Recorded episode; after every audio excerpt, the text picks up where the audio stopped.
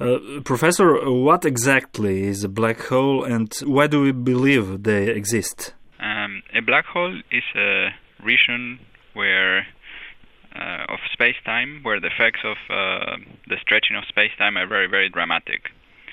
So we know that matter uh, changes the shape of space-time, uh, and um, for example, this manifests itself in a different way that clocks run. So, for example, a clock that we have here at the surface of the Earth will run a little more slowly than a clock that is far away. Okay, mm-hmm. and that's due to the deformation of space-time due to the gravity of the Earth. But the difference in the running of these clocks is is very small, um, and you need a really good clock to notice the difference.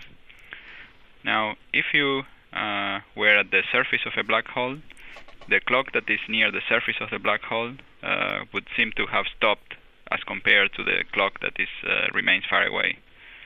So the difference in the running of the clocks is very very dramatic. Okay. Mm-hmm. And what's interesting is that this uh, surface is just an imaginary surface. You can actually cross this surface, you can fall through this surface, and you don't feel any anything special when you fall through this surface. We call this surface the horizon of a black hole, and um, it's a horizon in the sense that if you cross it, then you cannot come back out. Uh, so you will be crashed into the singularity, so some region of very high curvature in the interior of the black hole, but you will never be able to come out. So that's uh, that's what a black hole is, and that's the those are the rough features of the geometry of a black hole. Mm-hmm. Um, um, yes, sorry. You asked me uh, how do we know they exist? Yes, uh, why do we believe they that. exist? Yes, yes. Yeah. Um, well, uh, when this uh, geometry was first found, uh, it wasn't clear whether you could naturally produce it. But then um, further researchers found that if you have a, a very big um, star, of you, if you collect enough matter of any density, um, if it's a big enough collection of matter, eventually it will form a black hole. So it can collapse and no no pressures, so the pressures of ordinary materials are not enough to counteract the force of gravity, and the system will collapse into a black hole of this kind. I mean, uh, of a black hole, this geometry that um, we just mentioned. So if you have matter which has um, the uh, the density of, uh, let's say, nuclear matter, uh, then um, it's enough to have an amount of mass which is comparable to the mass in a star. So that happens when you have uh, stars that collapse and form uh, neutron stars or even smaller things. Those are the smallest black holes that can form naturally. But um, if you form, uh, you know, you take air and you take a ball of air, which is the size of the solar system, then it uh, will also collapse into a black hole. Mm-hmm. Um, yeah. Yes. Can you explain us in simple terms what is the information paradox about black holes and uh, why it is such a big problem in physics? Yeah. So um, let me say a few more words about the, the these classical black holes. So there are some objects in the sky which we think are stars that collapse into black holes. We cannot see them directly, but we can see that there is a very massive object that attracts the matter that is around, and uh, it, this matter heats up when it uh, falls into a black hole and emits some characteristic radiation, and then people study this radiation and they think it uh, reproduces what you expect from matter falling into a black hole. Okay, so that's uh, those are the black holes that are natural, naturally formed. Now, um, in, in in classical physics, once something falls into a black hole, it can never come back out, right? And so even, not even light can come out of a black hole. So that that's where the name comes from. The, it's black. I mean, you don't see anything coming out of it, right? Um, now Hawking uh, did some calculations by uh, theoretical calculations, taking into account the effects of quantum mechanics. So he um, wasn't content with the classical theory, but applied the principles of quantum mechanics to black holes and he found that uh, quantum mechanics predicted that black holes should emit radiation. So black holes, um, and they should emit radiation at the, at the, some temperature. So in a form which is similar to how black bodies uh, emit radiation, or some any object that is heated will emit radiation. So, for example, if you have a radiator in your house, it uh, you put your hand and you see it warm. Uh, that's the radiation coming to your hand, right? Or we see the heat coming from the sun and so on, because the sun is hot. So the idea is that uh, you have this radiation coming out of black holes. For naturally formed black holes, this radiation is a very, very small effect and has not been measured. And it would be, even in principle, very difficult to measure. But for smaller black holes, uh, it would be a bigger effect. Um, and in fact, uh, you could even have the paradoxical situation of having a white black hole. So you could have a black hole which is, if it is small enough, it will, this radiation that it emits will be um, will be seen as light. When the temperature is comparable, let's say to the to a few million degrees, you to, sorry to a few thousand degrees, uh, you will see it um, as white. Okay. Mm-hmm. So that's uh, so now black holes uh, not black holes are letting something out, right? They are losing mass by emitting this radiation. So they emit radiation, they emit energy, and energy is the same as mass. So they are always they are losing their mass, right? Mm-hmm. Um, now the the radiation seems to originate from the region uh, near the horizon, and um, and does not seem to have any information of what fell into the black hole in the first place. So in this approximation, the radiation that come out, comes out has no information about the state that made the black hole.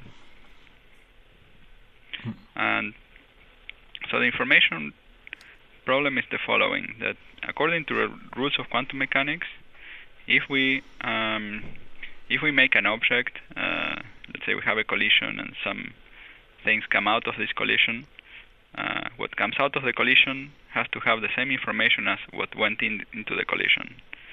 Of course, the information could be difficult to decode, but the information should always be there. So, let me give you an example in, let's say, even classical physics. So, if you write uh, down uh, a letter on a piece of paper, right, there is some information in this letter. And now you can uh, break up the piece of paper in lots of little pieces and scatter it around, right? And naively, you, it seems that you've destroyed the information that was contained in this letter. But if you are patient enough and so on, you could reassemble all the pieces and recover the original information. Okay. Mm-hmm. So that's uh, what we expect uh, according to the normal laws of physics. And the question is how these normal laws of physics um, work for black holes, because um, the structure of uh, the horizon of a black hole and so on tells us that the information of what fell into the black hole is behind the horizon in, a, in an inaccessible way, in, a, in an inaccessible place. Um, and the radiation uh, originates outside the horizon. And so, how is the information that fell that fell into the black hole is transmitted to this radiation? That is the question. Mm-hmm. And so, um, so people analyze this question and um, and trying to understand. Uh, so, the, so the problem is that there is a fundamental clash of principles. So quantum mechanics requires information to come out, while the structure of space-time near a black hole horizon would seem to say that the information will never be able to come out. Right. Mm-hmm. And um, there were different uh, proposed resolutions to this problem. So one is that well, information doesn't actually come out from black holes. Uh, that was Hawking's original uh, proposal for a resolution. Uh, but this would require, require us to change the laws of quantum mechanics. Um, then further research uh, that um, I did together with others, um, we, we, found a, a, description of black holes as seen from the outside.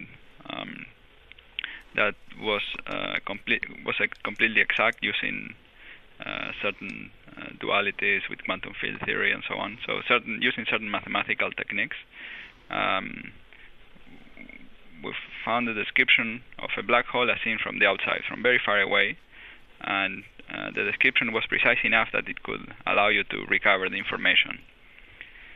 But the description was also weird because it uh, made no reference to the interior geometry. So it allowed you to calculate things from far away, uh, but not using the geometry of the black hole, but using some other uh, variables, let's say.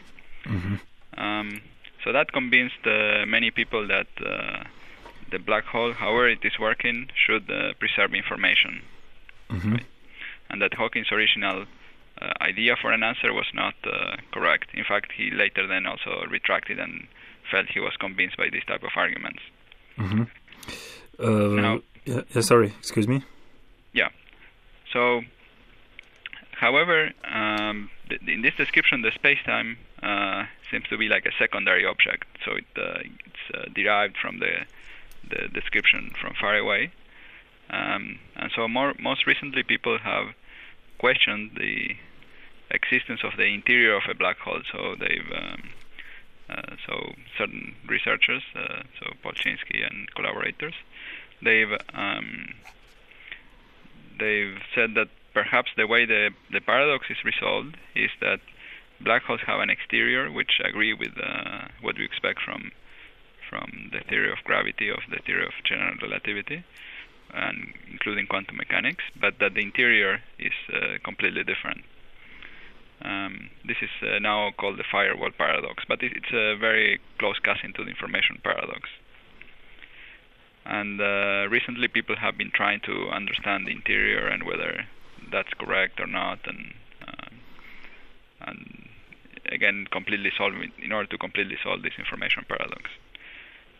So I, I more or less describe what it is, but um, the the reason we are uh, so interested in this paradox um, is that it we, we think that the full resolution to the paradox will teach us something important about the the structure of space-time according to quantum mechanics. And this uh, once we've uh, learned the correct lessons in this case, hopefully we will be able to apply these lessons to other problems. And the most important problem we would like to understand that involves uh, the quantum mechanics of space-time is the beginning of the Big Bang. So that's another situation where the current laws of physics don't work, and we need a new idea. And this new idea is believed to involve understanding properly the quantum mechanics of space-time. Uh, at really end, you also explain uh, what do black holes uh, teach us. Uh, but uh, will we ever really understand them? Yeah, so this is this seems to be a concrete enough problem that we might be able to understand.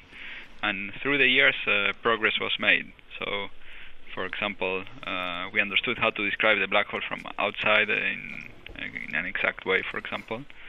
Um, and uh, this uh, has led to other uh, consequences. And yeah, so I think it is possible to understand it. I mean, I wouldn't be working on it if I thought it was impossible to understand it. But you always have to be optimistic when you are doing research.